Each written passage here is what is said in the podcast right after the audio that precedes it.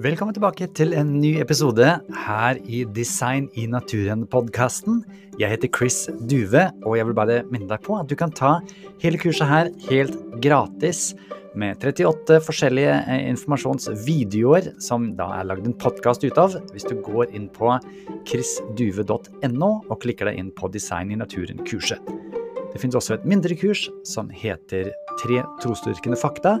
Alt dette er altså gratis tilgjengelig. Men nå er det på tide med dagens episode. Vær så god.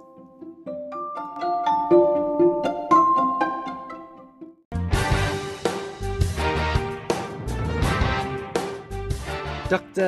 Uh, Laskin, thank you so much for joining us again for a third session. Thanks for having me, Chris. well, I really appreciate your, your thoughts so far. Um, you've also been a part of this book, uh, Science and Human Origins. And um, the question mark about it actually is what we've been discussing a lot. Looking at claims where it says the lineage is so clear, there's no gaps, and you're saying there's lots of gaps, and also things like uh, Lucy are actually more monkeys or primates, and you could, you know, yeah, you could change it into being more human-like, but actually, uh, the scientific journals are very much disagreeing with to it. Then we've been looking at the um, common ancestry versus the separate ancestry. Uh, and you think that even the um, even the gene pool and the novelties in the gene pool can support a separate um, separate way of it, yeah, coming together. Is this uh, kind of uh, looking at intelligent design, or how does intelligent design fit into the fossils and the genes of the human ancestry? Sure. So great, great question, Chris. Um, if we look at the anatomy of a human being and compare it to uh, living apes or to, say, the Australopithecines, we find that when humans appear on the scene, that there are many new anatomical traits that would be needed. We would need a new design of our spine, a new shape and tilt to the pelvis, um, legs that angle in from the front, feet, knees, and toes that are designed for upright walking, a skull that sits on top of the spine, at a balanced position. We would need a shift in the jaws and muscle attachments. We need to have a, fat, a flattened face and sinuses behind the eye and eye sockets located in different places to permit a forward gaze. There are um, over a dozen discrete and distinct anatomical changes that would be necessary to go from an ape-like being like the Australopithecines into a basically a, a, member of the genus Homo or something that's much like us. And if you look at, you know, what would these kinds of changes require at the genetic level? Undoubtedly, each of these changes would require multiple mutations, okay? But the problem is that when you're dealing with species like human beings, um, or hominids, I should say, we have small population sizes and long generation times. That is like the worst case scenario for evolution being able to rapidly evolve new traits, okay? So people have done the mathematics of population genetics. They found that if there were any traits that arose in modern humans that required only two mutations before giving you an advantage, that under normal hominid population sizes, generation times, it would take potentially over 200 million years for that trait to arise. Now, what okay? does two mutations give you? That's almost nothing. That's almost nothing. Yeah, undoubtedly, many of these anatomical changes, especially in our brain, I mean, probably require many, many different mutations. We already talked about how there are 689 new genes in human beings alone that are not found in chimps. Okay, so there's a, a lot more than two mutations going on here, probably. All right. So if you have any trait in modern humans that requires just two mutations before giving an advantage, then according to the mathematics of population genetics, it would take probably over 200 million years to evolve. But I think, as you mentioned earlier, um, according to the mainstream view, our common ancestor with chimps only lived maybe five to eight million years ago. Okay. So what we're seeing here is that at the genetic level, where the information is encoded in our genome, there are too, there's too much informational changes that's going on when humans arise then can be accounted for by random mutation and natural selection, okay? And intelligence design always looks at the origin of information. Where is the information coming from? What we see when we talk about the origin of the genus Homo is an abrupt appearance of a new, new species, a new form, a new body plan in the fossil record. And that body plan required information in its genome for it to come into existence. So where does that information come from so rapidly? There's not enough time in the fossil record for that information to arise through random mutation and natural selection.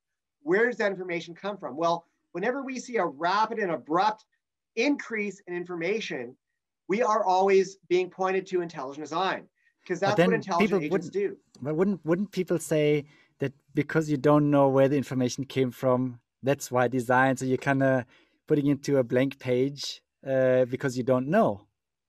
Sort of the God of the gaps kind of argument. You're just using our ignorance to infer intelligent design.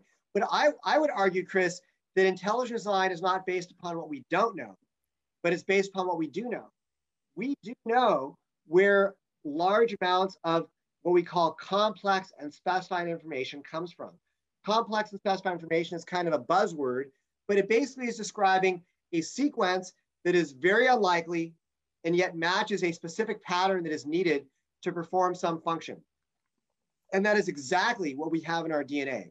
When we see a gene that requires a specific sequence of nucleotides to encode a protein, the amino acids in a protein, that is complex and specified information. When I'm talking to you right now, a very unlikely pattern of uh, sounds is coming out of my mouth, but it matches a very precise pattern that is known and recognized from the English language. Okay, so this is complex and specified information. In our experience, whenever we know the origin of complex and specified information, it always traces back to a mind or to a personal agent. And so when we see this abrupt appearance of the Homo body plan in the fossil record, I think that the best explanation for that is intelligent design because in our experience, the information that is needed to build a body plan, sort of this language-based code in our DNA, that kind of information in our experience only comes from intelligence.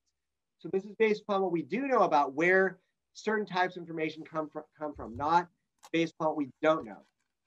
So when you're looking at the um, at the second graph with the separate entropy, you're saying that because of the complex system and the lack of time to make it by microevolution, because of the calculations, that's why it's pointing to design. Well, and also the fact that it needs information. What we see when we see a new body plan arising in the fossil record, that reflects an input of information, very rapid and abrupt input of large amount of information into the biosphere information is a telltale sign that an intelligent agent was at work. Um, Stephen Meyer often quotes a famous information theorist named Henry Quastler, who says that the creation of new information is habitually associated with conscious activity. Okay, so in our experience, when new information is arising, that is an indication that an intelligent agent was at work. So that is, I think, the main reason why I'm inferring intelligent design here, is that there's information that needed to arise. Yeah.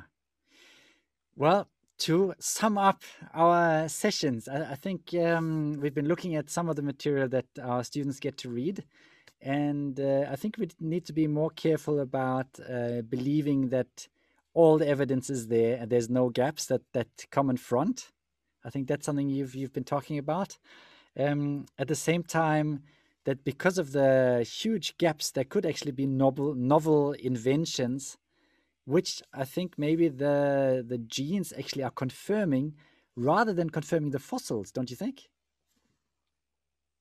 Well, yeah, I think that the genes in at the genetic level, we it shows that we do have major differences from ape-like species, and uh, that there's a, a huge amount of new DNA that had to be input into humans. Is that what you're saying, Chris? Am I, am I getting that right? Yeah, or? yeah. I'm just yeah. trying to put things together. So yeah. Um, if I can so say one other, oh, go ahead. Sorry. No, after you. After you. I mean, when you're thinking, talking about, you know, how how students can think about this issue. I didn't mean to cut you off. I'm sorry. Well, I want to get back to what you're saying, but um, one thing to be very careful is, and I didn't talk about this much, is what you read in the media. Okay, whenever a new hominid fossil is discovered, the immediate the media immediately jumps on it as if it is a new opportunity to evangelize the public for Darwin. Okay. And they will they will proclaim, oh, we found a new human ancestor. All right. And I didn't get into this a whole lot during our conversation, but let's just say that these new human ancestors are initially very hyped up in the media, but wait a few months or wait a year or two and see what is published in the mainstream scientific literature, and you'll almost always see that then you get criticisms of these initial claims that, oh, this fossil is a new human ancestor. So just take whatever you read in the media with a with a with a maybe a not just a grain of salt, maybe a, a nice healthy dose dose of salt. Um, use skepticism because the media loves to hype hominid fossils as if they are evidence for human evolution. Sorry, go ahead. No, no, but and I think there's people also want to make money. I mean, if you write an article about a missing link, uh, that's interesting to people. You know, people people want to know well, where do we come from. These are big questions, and so I, I, understand that a media guy would write missing link question mark and then write something. He's, he's making money. I mean, he wants to he wants to be popular. Uh, so I think I understand it, but uh, I like the fact that you are encouraging us to be better scientists in a way and research stuff. And I think a lot of the uh, new findings also are discussed on evolutionnews.org. Yes, that's a great website to go to, evolutionnews.org. We have daily articles on the ID evolution debate and a lot of great resources there. I think uh, with that, I just want to encourage students to, um, yeah, so keep searching, looking for the evidence and looking where it leads with an open mind. And I appreciate uh, that you helped us to deconstruct some things and taught us some new things. And um, yeah, we're going to take it along with us. Thank you so much for your time. Thank you, Chris. It was a lot of fun. All the best to you and your, your students there in Norway. Thank you, sir.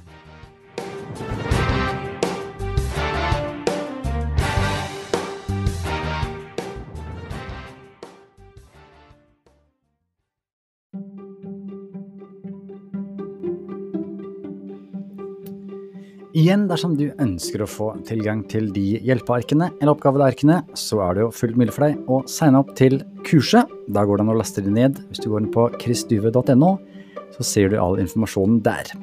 Dersom du ønsker å støtte denne podkasten og annet arbeid som jeg holder på med, kan du også lese mer om det på chrisduve.no. Takk for nå.